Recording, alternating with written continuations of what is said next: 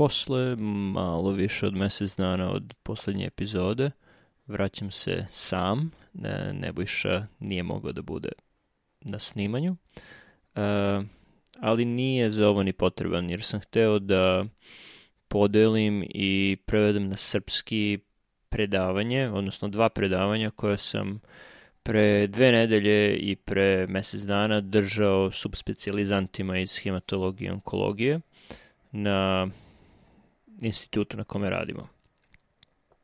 Slajdovi su još uvek na engleskom, trebalo bi da ih prevedem u nekom trenutku e, i mislim da će ovo biti i na YouTube-u, tako da možete pratiti ovo što pričam uz, e, uz same slajdove, ali moći ćete i da ih skinete.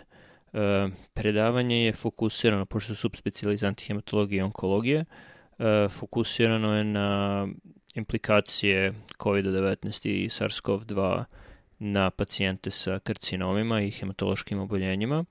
E, dosta toga sam izbacio jer je previše specijalistički, tako da je ostao kostur o osnovnim informacijama o SARS-CoV-2, o COVID-19 i par saveta o tome kako pristupati pacijentima koji imaju malignitete e, i imaju COVID-19 ili nemaju COVID-19. Virus SARS-CoV-2 ili SARS coronavirus 2 je prvi put sekvenciran iz nazofaringijalnih briseva i bronhoalveolarne lavaže iz sedam pacijenata koji su bili primljeni u Wuhanskom ICU sa teškim, teškom upalom pluća.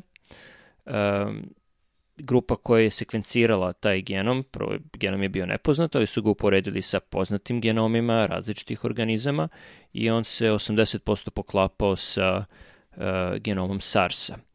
Uh, onda su videli, ok, verovatno je koronavirus, tako da su ga uporedili sa drugim koronavirusima i imao je 96% poklapanja sa sekvencom određenog koronavirusa slepog miša, ERA-TG13.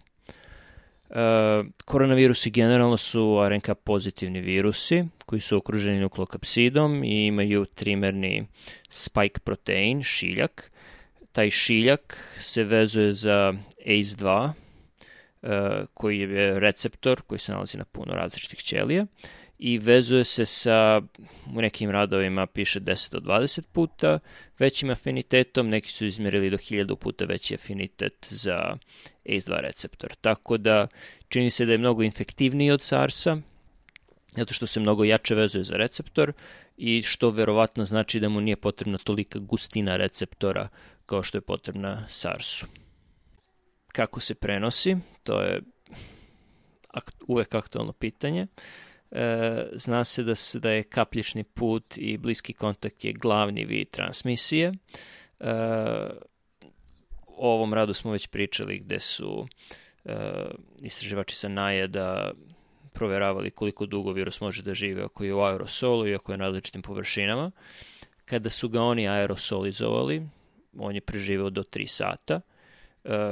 Mi kada normalno govorimo, mi ne pravimo aerosol. Aerosol se pravi u toku procedura, intubacija, bronhoskopija, e, u zubarskoj ordinaciji. E, dakle, tada postoji opasnost da će se čestice širiti i dalje. Na drugim površinama mogu je da preživi do 3 dana na plastici i na ređićem čeliku, 24 sata na kartonu i oko 4 sata na bakru. Kada jednom obolimo, ozbiljnost virusa može jako da varira od blagog oblika, bez znakova pneumonije na rengenu ili CT-u, do umerenog oblika, koji podrazumeva površnu temperaturu, kašalj i infiltrate na plućima i težak oblik koji podrazumeva i pad nivoa kiseonika, tako da, vam pot, da je potrebna dodatna oksigenacija, e, ili ako na CT ili na rengenu infiltrati budu do 50% loši, gore izgledaju. E, tako su bar klasifikovali e, oblik covid u različitim u prvim izveštajima koji su došli iz Kine, pre svega u izveštaju Svetske zdravstvene organizacije i naravno kritični obliki ako imate ako im je potrebna mehanička ventilacija ili neko u šoku ili iz nekog drugog razloga na intenzivnoj nezi. E, nije baš jasno koja je proporcija obolelih koja ide u svaku kategoriju, prilično dobro znamo koliko ljudi ima težak oblik i kritični oblik COVID-19, ali uvek je pitanje imenioca, dakle još uvek se ne zna koliko je tačno obolelo. Izgleda da je kardiovaskularna bolest jedan od najvećih rizika faktora za dobijanje teškog oblika. E, u prvoj seriji slučajeva koji je iz Kine, o kojoj smo pričali, ne više ja, od 191 pacijenata, kada su poredili 191 pacijenta, 54 je umrlo, 137 je otpušteno, e, oni koji su umrli su imali mnogo više hipertenzije, diabetisa, koronarne bolesti. Postoje nove informacije gde ćete vidjeti da hipertenzija i nije toliko bitna, ali diabetes i bolest koronarnih krvnih sudova definitivno jeste. Nije bilo nekih razlika u toj prvoj seriji u ostalim komorbiditetima, uključiti COPD, rak, ali tada sam pretpostavio ovo je predavanje od pre mesec i po, da možda takve pacijente nisu ni primali, u bolnicu, možda su ih slali kući jer nije bilo puno stvari koje možete da uradite i ispostavilo se da je to verovatno tačno, vidjet ćete zašto. E, I onda pacijenti koji imaju težak oblik e, razviju sepsu oko 9 dana od diagnoze, zatim razviju ARDS ili akutni respiratorni distress sindrom oko 12 dana nakon diagnoze. Uh, oni koji ima bude bolje, njima bude bolje, ali oni koji će na kraju umreti prvo razviju uh, probleme sa srcem, probleme sa bubrezima, razviju sekundarne infekcije oko 15 dana nakon dijagnoze. E, ne zna se da li je teška bolest posledica jakog imunog odgovora na virus, posledica samog patogenog dejstva virusa ili kombinacije ta dva. Pošto je virus sada znamo toliko infektivan i sada imamo podatke da recimo samo 1 do 6% ćelija u našim plućima sadrži ACE2, taj receptor za koji se vezuje koronavirus, a on opet može dobro da je inficira i na autopsijama se vidi puno virusnih čestica i tu i u srcu i u bubrezima. Pretpostavka je da, da virus nije toliko infektivan, verovatno ni imunni odgovor ne bi bio toliko buran, tako da, ovo je moja pretpostavka, nije potvrđeno, da je on manje infektivan, sam imunni odgovor sam po sebi ne bi bio toliko strašan. Dakle, ovo nije e, postojale su hipoteze na početku da možda imate prvi udar je virus, a onda i kad biste se rešili virusa, imunni sistem je poludeo i ne biste mogli da ga, da ga zaustavite. To verovatno nije tačno, jer znamo da ljudi kojima bude bolje i koji su na kraju otpušteni kući, koji ozdrave, uh, oni više nemaju virus u sebi i oni vrh, vrh uh, detektabilnog virusa u njihovim telesnim izlučevinama je 3-4 dana nakon pojave simptoma i nakon toga taj nivo padne. Međutim, kod ljudi koji su teško bolesni, virus može da se pronađe svuda, oni nikad ne očiste organizam od virusa, tako da je verovatno primarni problem u tome da telo ne može da se reši virusa. Nije verovatno primarni problem to da je njihov imunni odgovor suviše buran. Imaju buran imunni odgovor jer stalno imaju virus koga ne mogu da se reše koji su sad dokazi za patološki imunni odgovor, postoje kada se radili, kada se radilo koje citokine ima tih 11 pacijenata sa teškim oblikom i 10 pacijenata sa umerenom bolešću. Oni koji su imali tešku bolest imali su veći nivo od CD25, interleukina 6, interleukina 10, tumor nekrozis faktora alfa i, interferon, i imali su niže interferon gamma. Um, imali su niske cirkulišuće CD4 i CD8 T ćelije i te regulatorne ćelije koje su imunosupresivne T ćelije su bile naročito niske kod onih koji su imali teže oblike. E, to sve govori u prilog burnom imunom odgovoru. E, još uvek se ne zna da li SARS-CoV-2 ima direktan toksični efekt na te ćelije i da on direktno ubija te ćelije ili to što ljudi imaju limfopeniju, odnosno nizak broj limfocita je posledica toga što su svi te limfociti otišli iz krvi u tkiva, pa ih zato ne možemo naći. U poslednje dve nedelje su dve velike serije slučajeva izašle, jedna iz Njujorka, 5700 hospitalizovanih pacijenata, i jedna iz Velike Britanije, oko 17.000 hospitalizovanih pacijenata. ovo iz Njujorka je bila retrospektivni podaci i prijavljeni su svi pacijenti, bez obzira da li su umrli, otpušteni kući ili ostali u bolnici do trenutka prijavljivanja. Ovih 17.000 pacijenata iz Britanije su bili, njihovi podaci su bili sakupljeni prospektivno, dakle te bolnice su imale otvorene protokole još od 2013. u očekivanju pandemije, ali su u samom radu prijavili pacijente ili koji su bili otpušteni ili koji su umrli ili koji su bili u bolnici duže od 14 dana. Dakle, oni koji su tek nedavno primljeni, ti pacijenti nisu bili, nisu ušli u izveštaj. E, šta smo naučili iz ove dve serije slučajeva? E, to da povišena temperatura, kašalj i problemi sa disanjem su dovoljni, ali ne i neophodni da sumnjate da neko ima COVID-19. Um, ta grupa iz Velike Britanije prijavila tri skupine simptoma. Oko 60 do 70% pacijenata imale trijadu, kašelj, temperatur, temperatura, problemi sa disanjem. Često su ti pacijenti imali drugu trijadu, a to su bolovi u mišićima, zglobovima i umor, a onda je sasvim odvojena grupa pacijenata imala bol u abdomenu, povraćanje i proliv. E, oko 29% pacijenata ukupno je imalo ta tri simptoma, a kod 4% pacijenata, što je dosta veliki broj, 4% od 17.000 je par stotina pacijenata, je imalo samo to kao simptom zbog kojeg su primljeni. Tako da niti su imali povišenu temperaturu, niti su imali kašalj, dovoljno je bilo da imaju neke gastrointestalne simptome. I tako je detektovano da oni imaju COVID-19 i opet bio je dovoljno ozbiljan COVID-19 da, zbog, da su zbog toga na kraju završili u bolnici. Ta temperatura, ovaj, povraćanje, bol abdomenu, diareje, ne mora da znači da je to razlog zašto su primljeni, ali to su bili prvi simptomi bolesti.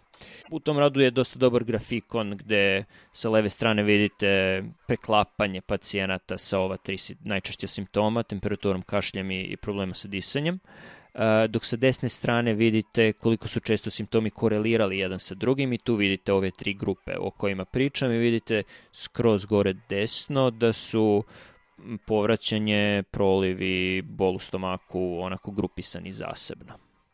Zna se i potvrđeno je da je starost i dalje najvažniji faktor rizika za smrt od COVID-19. U studiji iz Velike Britanije oni koji su imali preko 80 godina, e, imali su 14, skoro 14 puta veći rizik za smrt od opšte populacije.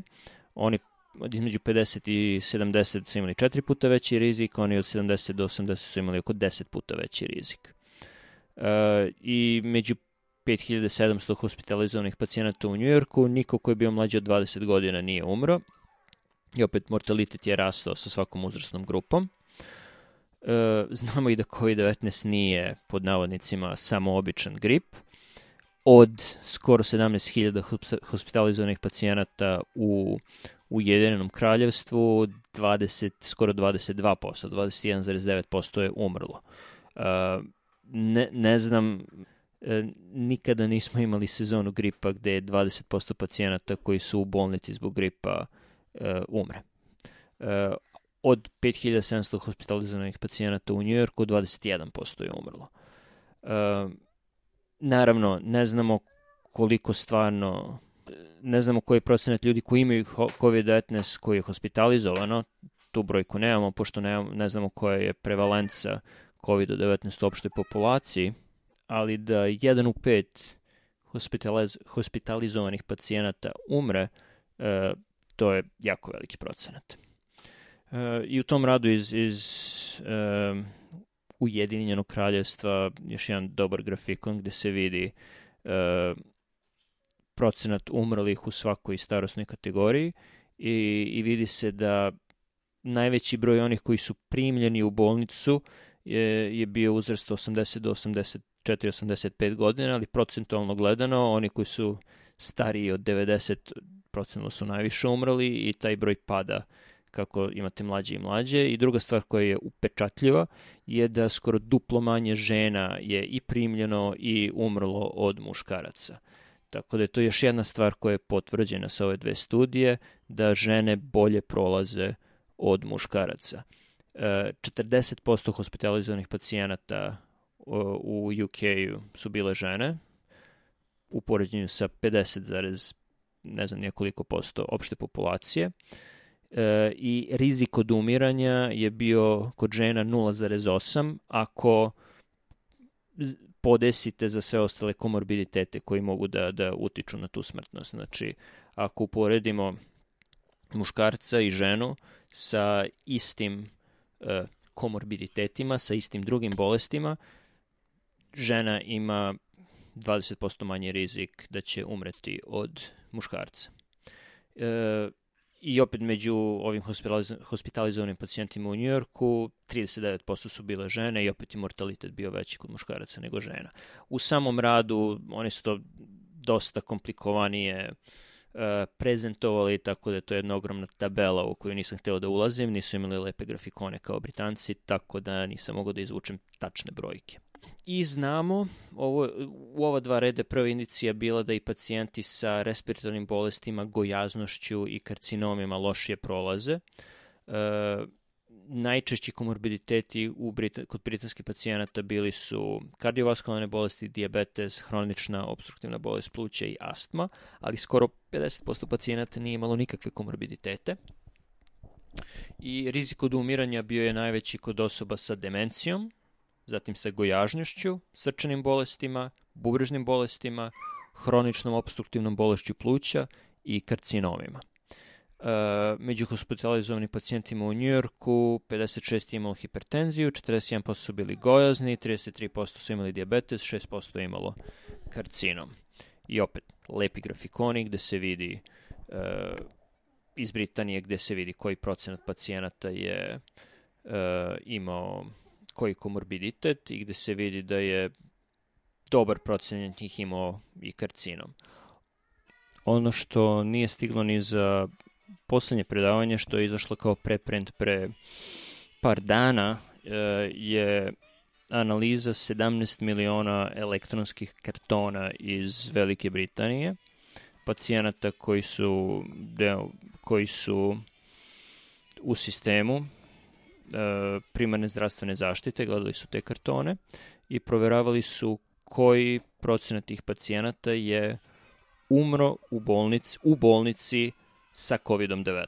Znači, to su bili uslovi pretrage i gledali su koje su karakteristike tih pacijenata. I uporedili su ih sa pacijentima koji nisu, nisu umrli od COVID-19 u bolnici.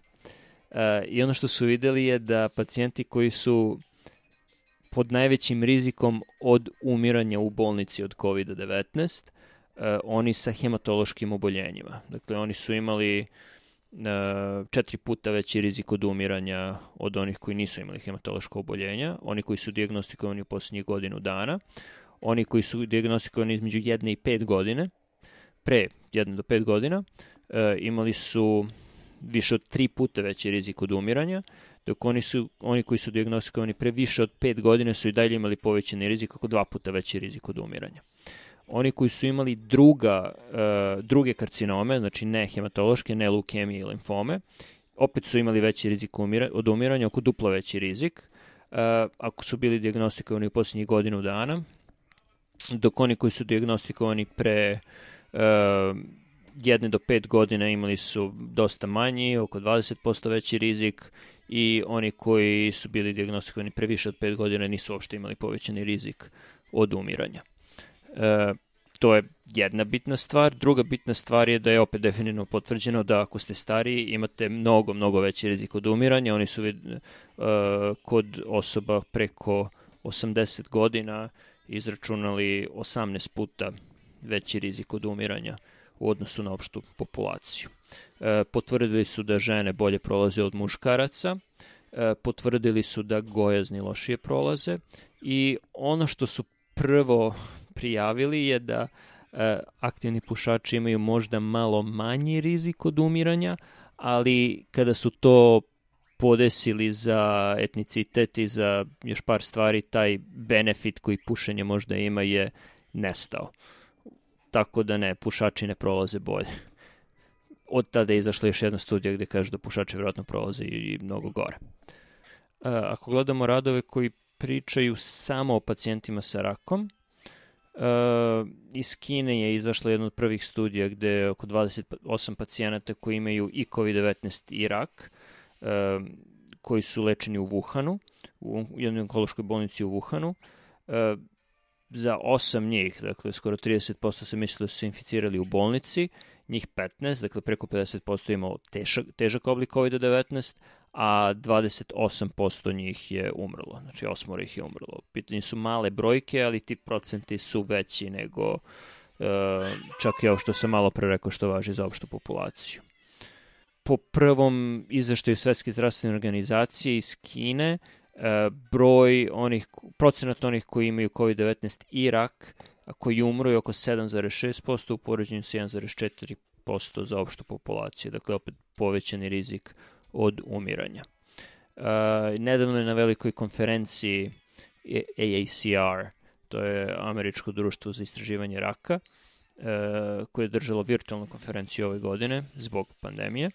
Uh, objavili su jedan rad, u isto vreme bila i oralna prezentacija, virtualna prezentacija i objavljivanje rada u časopisu Cancer Discovery o 185 hospitalizo hospitalizovanih pacijenata koji su imali i COVID-19 i rak u provinciji Hubei, koji su upore, poređeni sa 536 nasumično izabrane kontrole, postupkom koji meni nije baš bio najjasniji, bit ću iskren.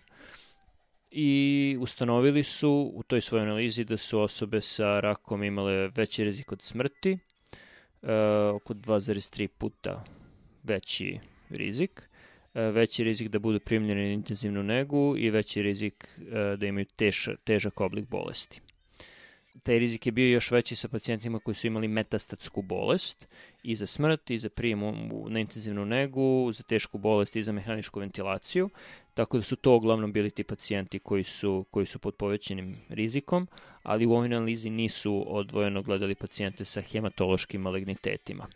Ono što su prijavili, što verovatno nije istina, ali je senzacionalistički, da pacijenti koji su nedavno primili e, inhibitore imunih checkpointova, odnosno imunoterapiju pod navodnicima, su imali veći rizik od umiranja. E, kasnija analiza koja je objavljena u istom časopisu ove nedelje e, je pokazala da su to u stvari pacijenti koji imaju rak pluća i da pacijenti sa rakom pluća imaju veći rizik od umiranja, a ne oni koji primaju e, imunoterapiju. Dakle, to što imaju rak pluća ih je stavilo pod povećani rizik, a ne terapija koju su primili. I ovo je razlog, taj grafikon koji su dali u radu, je razlog da što mi nije baš, bilo baš najjasnije šta su poređivali sa čim, jer govore o 536 nasumično izabranih kontrola, dok u svojim grafikonima prikazuju isti broj kontrola i pacijenata sa rakom. Tako da ne, ne znam da li su od nasumično izabranih kontrola radili uh, radili izbor onih koji su najsličniji populaciji pacijenata sa rakom ili su samo jednu populaciju izabrali za grafikon jer tako lepše izgleda, a da su analizu radili na svih 500 i nešto kontrola.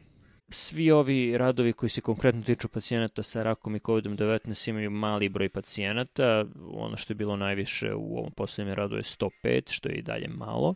To postoje registri, u Americi postoji ovaj COVID-19 i rak konzorcijum gde uh, onkolozi mogu da se uloguju i daju podatke o svojim pacijentima koji će biti registrovani i nadamo se uskoro objavljeni. To je to što se tiče COVID-19 i raka u kratkim crtama. U samim predavanjima je dalje sledilo koje su preporuke dve velike američke organizacije. Jedno je ASCO, Američko društvo kliničkih za kliničku onkologiju, drugo je ASH, Američko udruženje hematologa i koje su njihove preporuke o vođenju pacijenata koji imaju hematološko i onkološko oboljenja u ova vremena, znači ne, ne, ne samo ako imaju COVID-19.